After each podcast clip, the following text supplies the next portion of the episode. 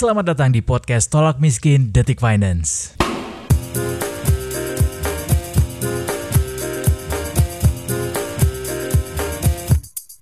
Gak pernah ada yang menyangka kondisi seperti sekarang ini bakal kita alami secepat ini Detikers. Dua tahun lalu Bill Gates pernah bilang bahwa dunia ini bakal porak-poranda lewat serangan sebuah wabah virus. Nah, waktu itu, ini kalau kita flashback nih, Gates itu peringatin dampak yang akan terjadi kalau wabah virus ini bakalan kayak flu Spanyol. Tapi ini terjadinya di era modern. Nah, virus Spanyol ini kan kalau kita kulik lagi itu di awal tahun 1900-an. Nah, virus ini katanya kemungkinan besar berasal dari binatang seperti burung, ayam, atau babi. Dan akhirnya terjadilah sekarang ini virusnya. Virus corona kita kenalnya.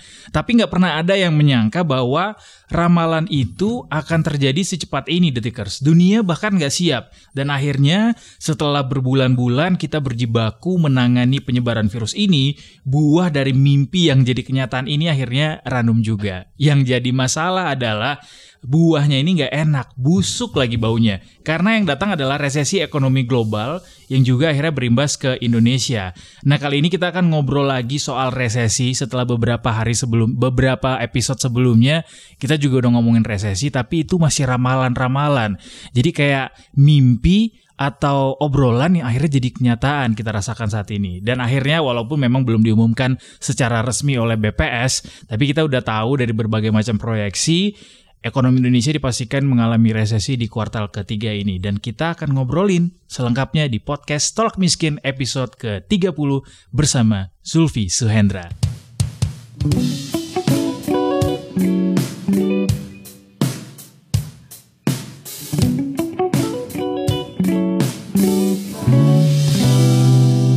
Halo, Detikers, balik lagi sama gue. Nah, kalau menyambung ngomongan Edo yang tadi, hmm. Detikers, baru-baru ini Kementerian Keuangan itu sudah memproyeksikan bahwa ekonomi Indonesia di kuartal 3 hmm. itu berada di kisaran minus 2,9 persen sampai minus 1 persen. Artinya ekonomi kita berarti minus lagi dong setelah kemarin kuartal 2 juga minus. Betul, artinya nah kalau misalkan dua kuartal berturut-turut ekonomi kita minus, itu artinya kita sudah berada di jurang resesi. Hmm.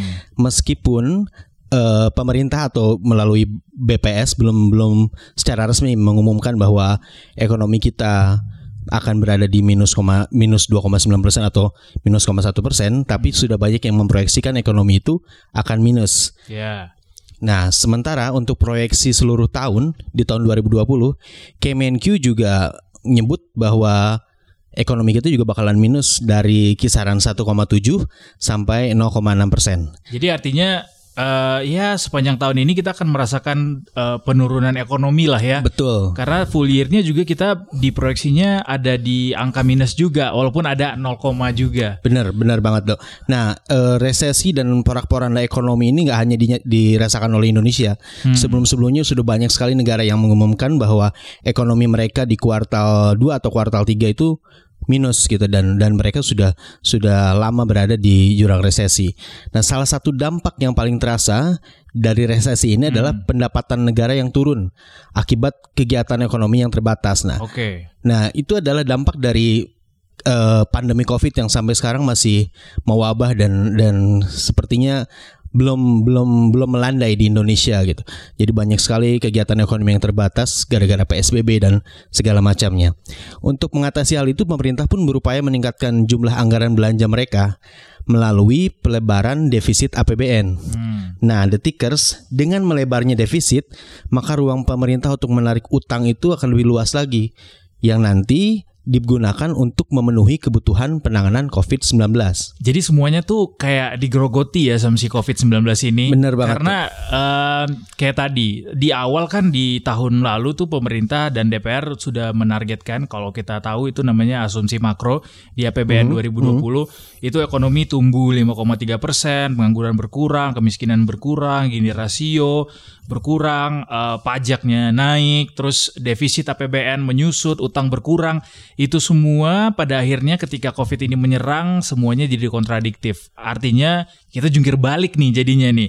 Kita jungkir balik jadinya dan semua digerogoti sampai akhirnya ya oh, di tengah kondisi ekonomi yang sulit ini justru kita menambah beban yang lebih sulit lagi. Misalnya tadi dengan melebar defisit akhirnya kita karena pajak juga berkurang akhirnya defisit ini kita biayai lagi pakai utang. Utang kita jadi makin nambah. Dan nggak sekedar penerimaan negara doang nih yang digerogoti sama yang namanya COVID-19. Apalagi itu dok? Yang akhirnya berujung kepada resesi ini adalah yang paling menakutkan justru adalah kemiskinan dan juga pengangguran yang naik signifikan. Nah, angka pengangguran dan kemiskinan di Indonesia itu bakal naik signifikan katanya Detikers ketika kita sudah masuk jurang resesi. Mungkin di sekitar Anda juga sudah berasa sekarang bahwa orang-orang ngeluh misalnya pendapatannya kurang atau dia sekarang malah dianggurin karena kena PHK misalnya Betul. atau dirumahin. Itu adalah contoh nyata ketika Anda pengen tahu sebenarnya resesi itu apa eh, sorry, resesi itu apa, sih Apa, betul. sebenarnya? Dan apa dampaknya buat kita gitu kan? Benar. Nah, eh, beberapa waktu lalu juga pengusaha sudah memproyeksikan bahwa gara-gara resesi, Hmm. eh, pekerja-pekerja di Indonesia itu bakal kena PHK sampai 5 juta lebih. Bayangkan 5 juta lebih pe- peng- pekerja bakal di PHK, bakal menambah berapa angka pengangguran di Indonesia. Dan itu pun terjadi di luar negeri, Dok. Resesi di luar negeri pun sudah sudah banyak sekali korban-korban PHK gara-gara resesi. Di maskapai penerbangan misalnya. Ya. Kemarin ada laporan dari IATA, eh, IATA Asosiasi Penerbangan Luar Negeri gitu. Hmm. Dia dia melaporkan bahwa ada ratusan ribu karyawan maskapai penerbangan yang kena res, kena pengangguran. Sorry. Betul betul. Eh, memang sih eh, resesi ini dampaknya buruk, tapi kalau misalnya kita nggak menanganinya dengan baik juga, ternyata nggak berhenti sampai resesi. Ada lagi yang namanya krisis dan bahkan depresi. Nah, eh, di- Lebih ngeri lagi itu ya. itu lebih ngeri lagi. Em, Bank Dunia itu sudah memprediksi ada sekitar 92% negara di dunia yang bakal mengalami krisis karena ekonominya terdampak sama pandemi COVID-19 ini. Termasuk Indonesia juga kena. Tapi memang katanya Indonesia diprediksi resesinya atau eh, apa ya dampak krisisnya ini tidak akan separah dari negara-negara lain. Eh, dan ekonomi Indonesia juga proyeksinya sih di tahun depan itu bakal lebih baik dibanding tahun ini. Eh, berbeda sama negara lain yang mungkin kurva bangkitnya itu akan lebih curam daripada atau lebih cembung daripada yang dirasakan oleh Indonesia. Makanya secara sektoral ada beberapa sektor yang mengalami pemulihan katanya eh, lebih lambat daripada perkiraan semula gara-gara kasus COVID-19 ini. Misalnya nih sektor-sektor ini bisa jadi harus Anda eh, perhatikan lebih dalam kalau misalnya Detikers nih bekerja di sektor itu kayak misalnya jasa-jasa perdagangan, transportasi, hotel, restoran, dan jasa-jasa perusahaan itu adalah beberapa contoh eh, sektor yang mengalami pemulihan bakal lebih lama daripada sektor-sektor lainnya. Oke, Dok tadi ada yang ketinggalan soal data penga- data pengangguran dan data PHK yang ada di Kementerian Tenaga Kerja. Mhm. Pe- Kementerian Tenaga Kerja sudah memproyeksikan bahwa bakal ada pengangguran atau eh, pegawai yang kena PHK hingga 3,5 juta orang. Hmm. Itu eh, angka yang besar sekali walaupun berbeda dengan versi pengusaha yang nyebut bahwa bakal ada penga- bakal ada PHK sampai 5 juta lebih gitu. Tapi itu pun sudah merupakan angka yang cukup signifikan karena bila ditambah dengan angka pengangguran yang sekarang yang jumlahnya 6,8 juta orang maka nantinya bila benar RI resesi dan merasakan dampaknya bahwa akan ada orang yang menganggur hingga 10,3 juta orang. Bayangkan gara-gara Covid bahwa gara-gara Covid kita resesi, ujung-ujungnya kemiskinan dan pengangguran bertambah. Mm-mm. Ketika banyak orang jadi jatuh miskin, banyak orang nganggur, terus keuangan negara juga sulit karena Betul. pajak berkurang. Terus kita mau hidup dari mana lagi? Nah, ini nih makanya nggak boleh dibiarin lama-lama detikers. Kalau nggak cepat pulih, bisa-bisa ekonomi Indonesia bakal berkepanjangan dan masuk ke fase depresi. Ini yang harus diwaspadai sama kita semua dan makanya eh, pandemi COVID-19 ini nggak boleh dianggap enteng juga, termasuk sama pemerintah. Karena kita juga pernah rasakan atau Benar. pernah ingat juga kalau mau diingat-ingat di awal-awal pandemi COVID atau sebelum dinyatakan pandemi oleh Hmm. eh, WHO, WHO. Kita cenderung menganggap enteng yang namanya COVID-19 ini, virus ini. Sampai akhirnya kita merasakan sendiri dampaknya, eh, wah ternyata se semengerikan Betul, ini ya. betul, Dan betul. kita sudah rasakan semuanya. Dan diwanti-wanti sekarang eh, bakal bisa berkepanjangan dan masuk ke fase depresi. Direktur Eksekutif Center of Reform on Economics Indonesia Muhammad Faisal bilang depresi ini adalah kondisi di mana suatu negara mengalami kontraksi pada pertumbuhan ekonominya yang berkepanjangan dan semakin dalam. Singkatnya, kalau misalnya ekonomi kita minus terus-terusan alias nggak ada progres nih, turunnya terus gitu sampai setahun penuh dan bahkan mungkin berlanjut ke tahun-tahun selanjutnya bisa jadi depresi itu kita alami. Tanda-tandanya itu tadi yang ekonomi turun itu dan kalau misalnya eh, setelah resesi pertumbuhan ekono- ekonomi Indonesia itu masih terkontraksi sudah bisa dibilang itu depresi dan kalau manusia gitu depresi tahu kan gimana kayak Stres gimana. gitu kan. Iya. Iya. Nah, lalu dengan kondisi seperti ini banyak pertanyaan yang muncul. Jadi kita harus ngapain nih? Mm-mm. Ya kan? Kalau resesi kita harus ngapain? Apakah kita harus panik? Apakah kita harus menabung dan segala macam? Nah, intinya kalau misal menurut menurut Direktur Eksekutif Institute for Development of Economics and Finance atau INDEF, Tauhid Ahmad, kalau dalam kondisi resesi seperti seperti ini, sorry, dalam kondisi resesi seperti ini, masyarakat itu jangan menahan konsumsi. Jadi eh, belanja harus tetap berjalan agar perputaran uang terus-terus terus berjalan. Nah, tapi ada masalah lain yaitu dari mana mereka mendapatkan uang kalau pekerjaan saja mereka tidak punya Betul. karena kena PHK, kemiskinan ber- bertambah. Nah, di sini peran pemerintah yang sangat dibutuhkan yaitu Sangat. mengeluarkan bantuan sosial. Bansos pemerintah pun sudah banyak sekali eh, mengeluarkan bansos di di masa Covid sekarang ini kan. Betul. Ada untuk pekerja eh, bergaji 5 juta kan. Ke bawah. Betul, subsidi gaji, subsidi upah, kemudian ada bantuan untuk UMKM, kemudian dan bantuan-bantuan segala macamnya. Eh, totalnya kemarin kalau tidak salah Kementerian Keuangan menyebut bahwa hampir 800 triliun pemerintah sudah mengeluarkan dana untuk menangani Covid termasuk untuk bantuan-bantuan sosial ini. Exactly. Eh, artinya kita udah jor-joran banget lah. Nah ini pemerintah udah kasih bantuan nih eh, banyak ke kita juga lewat APBN. Yang mana memang APBN kan instrumen fiskal yang berguna fungsinya itu untuk menjaga ekonomi bisa tetap stabil di negara. Nah ini duit udah dikasih semua ke kita, bansos segala macam dikirimin langsung ke rekening kita masing-masing. Nah kalau misalnya kita nanti mengalami resesi, ini duit yang udah dikasih jangan malah Mau diapain gitu kan? Bener. Jangan justru Harus diapain? ditabung. Itu pertanyaannya, betul. Harus dibelanjakan detikers. Kalian boleh belanja tapi memang harus belanja yang memang kewajiban kalian. Jadi Mhm. artinya resesi itu bukan bukan artinya kita harus mengurangi konsumsi gede-gedean. Justru kalian harus tetap pada tingkat konsumsi seperti biasa Iya. dengan bantuan yang diberikan dan jangan lupa untuk tetap eh, produktif. Betul. Jualan, dagang, semuanya lakuin aja asalkan masih halal sehingga dapur kita masih bisa ngebul terus. Dan dan kalau bisa sih nggak cuma ngandelin bantuan dari pemerintah, kalau bisa juga memang bantuan dari pemerintah tadi diputar lagi jadi duit atau kalau memang nggak bisa diputar ya jangan di jangan dipendem, yang pasti harus dibelanjakan biar ekonominya mutar karena apalagi yang bisa kita andalkan ketika dunia sedang eh, lesu sedang tidak bergairah kita hanya bisa mengandalkan diri sendiri yaitu me- menyemangati diri sendiri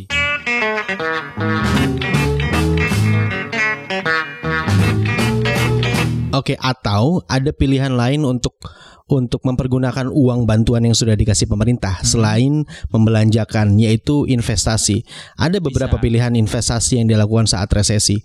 Jadi menurut perencana keuangan dari Advisor Alliance Group, Andi Nugroho, eh, menjelang resesi dibutuhkan instrumen investasi yang resikonya rendah gitu. Mm-mm. Jadi kalaupun kita res- kita investasi itu rugi nggak rugi-rugi amat istilahnya kan. Hmm. Nah, hal ini eh, berarti investasi itu kayak mudah dicairkan ke dalam bentuk uang tunai.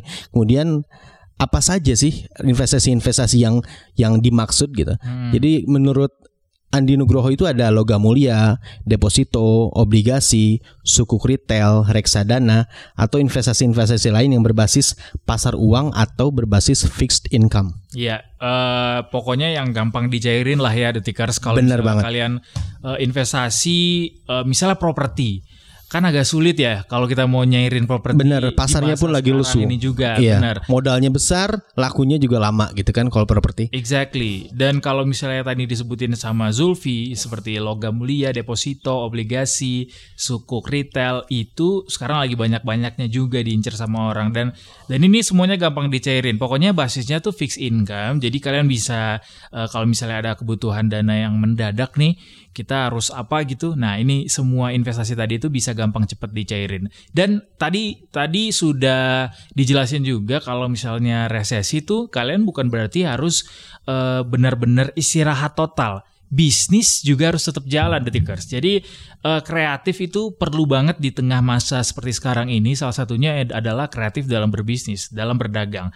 Nah ini pakar marketing Hermawan Kertajaya mengatakan kalau jenis bisnis yang bisa bertahan di tengah kondisi kayak sekarang ini adalah yang kaitannya itu sama kesehatan. Itu biasanya adalah bisnis yang eh, banyak dilirik sama orang karena kebutuhan kesehatan seperti sekarang ini eh, diincar lagi diincar-incarnya sama orang. Nah, makanya karena marketnya juga lagi gede banget, kalian bisa masuk ke sini sehingga eh, bisnis yang kalian jalankan bisa tetap laris manis. Atau sebenarnya sih jenis barang apa saja itu bisa laku diperjualbelikan katanya kalau lagi kondisi resesi nanti. Asal pelaku bisnisnya itu bisa nonjolin kelebihan produk yang dia jual apalagi eh, kalau bisa dikaitkan dengan unsur kesehatan tadi makanya eh, sebenarnya apa pun bisa dijual sih asalkan kreatif misalnya nih kayak sekarang kan orang lagi nggak eh, butuh-butuh banget yang namanya pakaian ya Ah, karena orang jarang keluar rumah Betul, juga betul. kalaupun kerja di rumah aja Yes. sehingga yang namanya pakaian di dalam rumah tuh kayaknya jadi kebutuhan yang eh, banyak di- digunakan sekarang ini Ah, gitu ah. loh. Nah apa pakaian rumahan misalnya? Kita bisa jual pakaian rumahan yang autentik misalnya dengan kondisi sekarang mungkin bisa yang dengan sablon ala-ala eh, apa namanya eh, promosi kesehatan Benar, misalnya. benar, benar. atau mungkin piyama yang yang yang punya motif tentang kesehatan atau kondisi sekarang ini atau dengan bagai berbagai macam quotes. Itu bisa kalian lakukan. Pokoknya eh, harus tetap relatable produk yang kalian punya eh, yaitu dengan cara kreatif kalian bisa menemukan itu sehingga orang-orang masih bisa eh, connect sama sama apa yang kalian jual eh, di masa resesi ini dan mau terus beli gitu loh. Hmm. Kalau kalau kalau dari makanan dan minuman juga bisa sangat-sangat terbuka ya peluang-peluang selama resesi ini. Contohnya makanan seperti frozen food Exactly. gitu kan. Kemudian makanan yang dibuat open air. Iya. Maksudnya pembeli itu nggak harus nggak harus ribet harus keluar rumah gitu. Benar, Dikirim benar, ke rumah dan higienis ya kayak contohnya frozen food itu tadi gitu.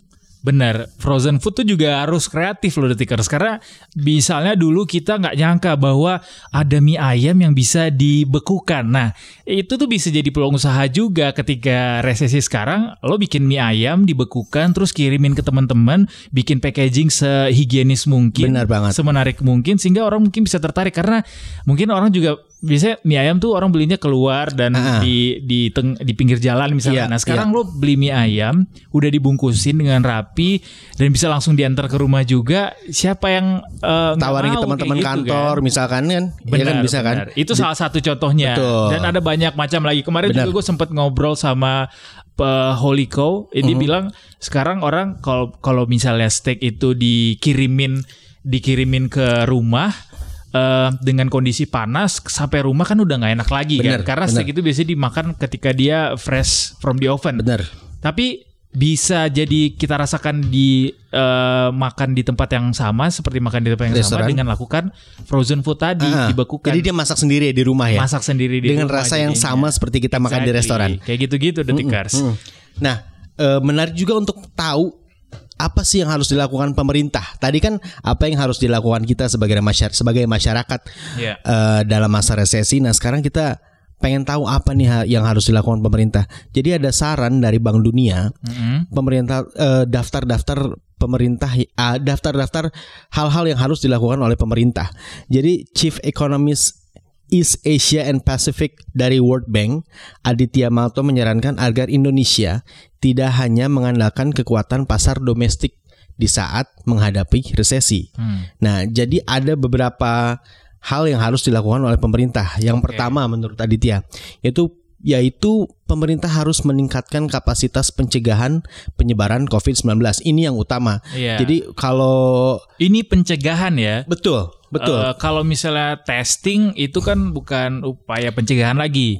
Eh, bisa jadi tapi termasuk karena itu merupakan eh, upaya untuk intinya intinya adalah ini adalah upaya untuk memutus mata rantai. Hmm. Jadi testing, kemudian tracing dan segala macam Itu harus ditingkatkan. betul harus ditingkatkan agar agar mata rantai penyebaran wabah Covid ini eh, dihentikan intil ya, Oke. atau ditekan. Kemudian yang kedua adalah memulai reformasi fiskal.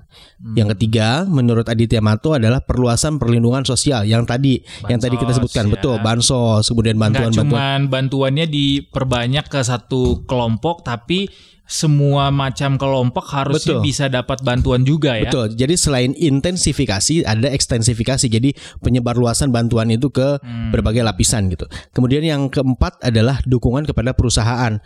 Nah, perusahaan ini juga harus diberi dukungan agar mereka bisnisnya tetap jalan yang ujung-ujungnya PHK-nya tidak dilakukan oleh mereka. Misalnya bebasin pajaknya. Betul, betul kasih relaksasi-relaksasi seperti itulah ke pengusaha atau ke perusahaan agar mereka juga dapat tidak tidak terlalu menanggung beban yang sangat berat di tengah pandemi dan resesi ini. gitu.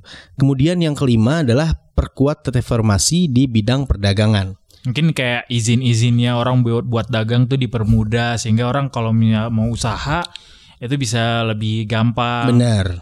Nah, dok, ada juga yang lebih menarik nih detikers Hah? bahwa di antara negara-negara di Asia Tenggara ada satu negara yang betul-betul dia kebal terhadap bisa dikatakan kebal terhadap virus corona dan Hmm. dan Tanda juga kutip ya. betul tanda kutip ya tidak bukan bu- bukan berarti kebal bahwa uh, populasi mereka tidak betul bahwa mereka tidak ada yang terjangkit virus corona bukan seperti itu tapi uh, mereka juga kebal terhadap uh, hantaman-hantaman dari corona itu sendiri ke ekonomi mereka yaitu negara Vietnam Oh ya? benar Ceritanya gue ceritanya nggak tahu lo ya padahal lu sering baca ya Tapi memang cukup mengagetkan sih ketika Uh-uh. kita baca angka-angka yang dilansir sama Nikkei Asian Review nih.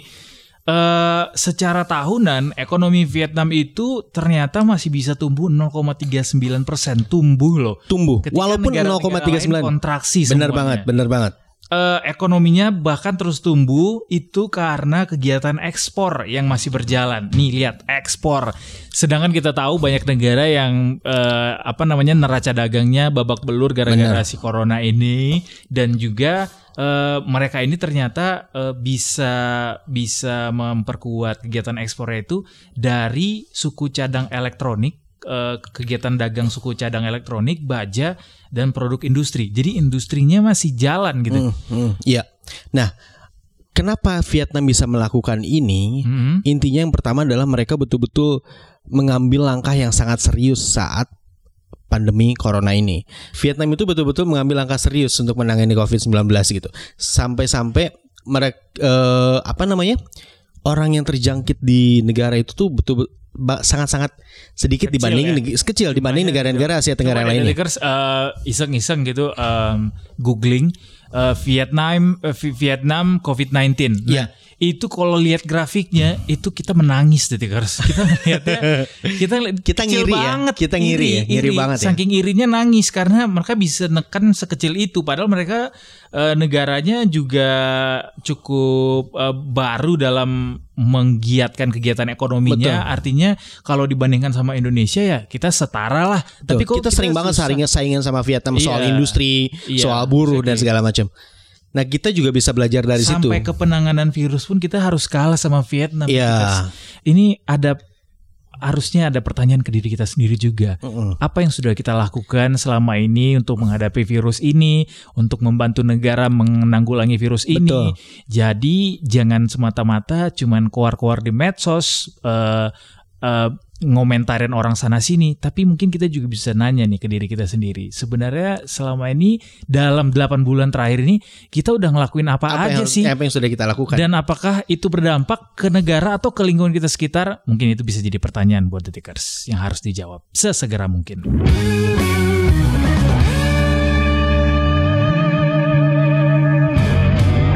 Jangan lupa dengerin podcast-podcast Detik Finance berikutnya di podcast Tolak Miskin. Detikcom.